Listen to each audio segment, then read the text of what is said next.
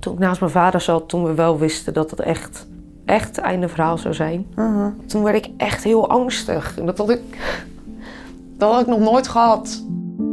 Mijn vader overleed vijf jaar geleden aan een hersenbloeding. Hij was nog maar 59. Die hersenbloeding was het gevolg van de Katwijkse ziekte, een zeldzame erfelijke aandoening. En omdat het erfelijk is, kan wat mijn vader is overkomen mij ook gebeuren. Ik heb 50% kans om drager te zijn van de Katwijkse ziekte en op jonge leeftijd ziek te worden.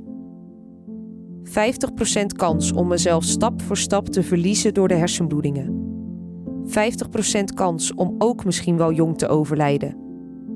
En 50% kans om, mocht ik kinderen krijgen, die ziekte ook weer door te geven. Nou, als je dus hebt, heb je kinderen op hun beurt weer 50% kans elk om het te erven.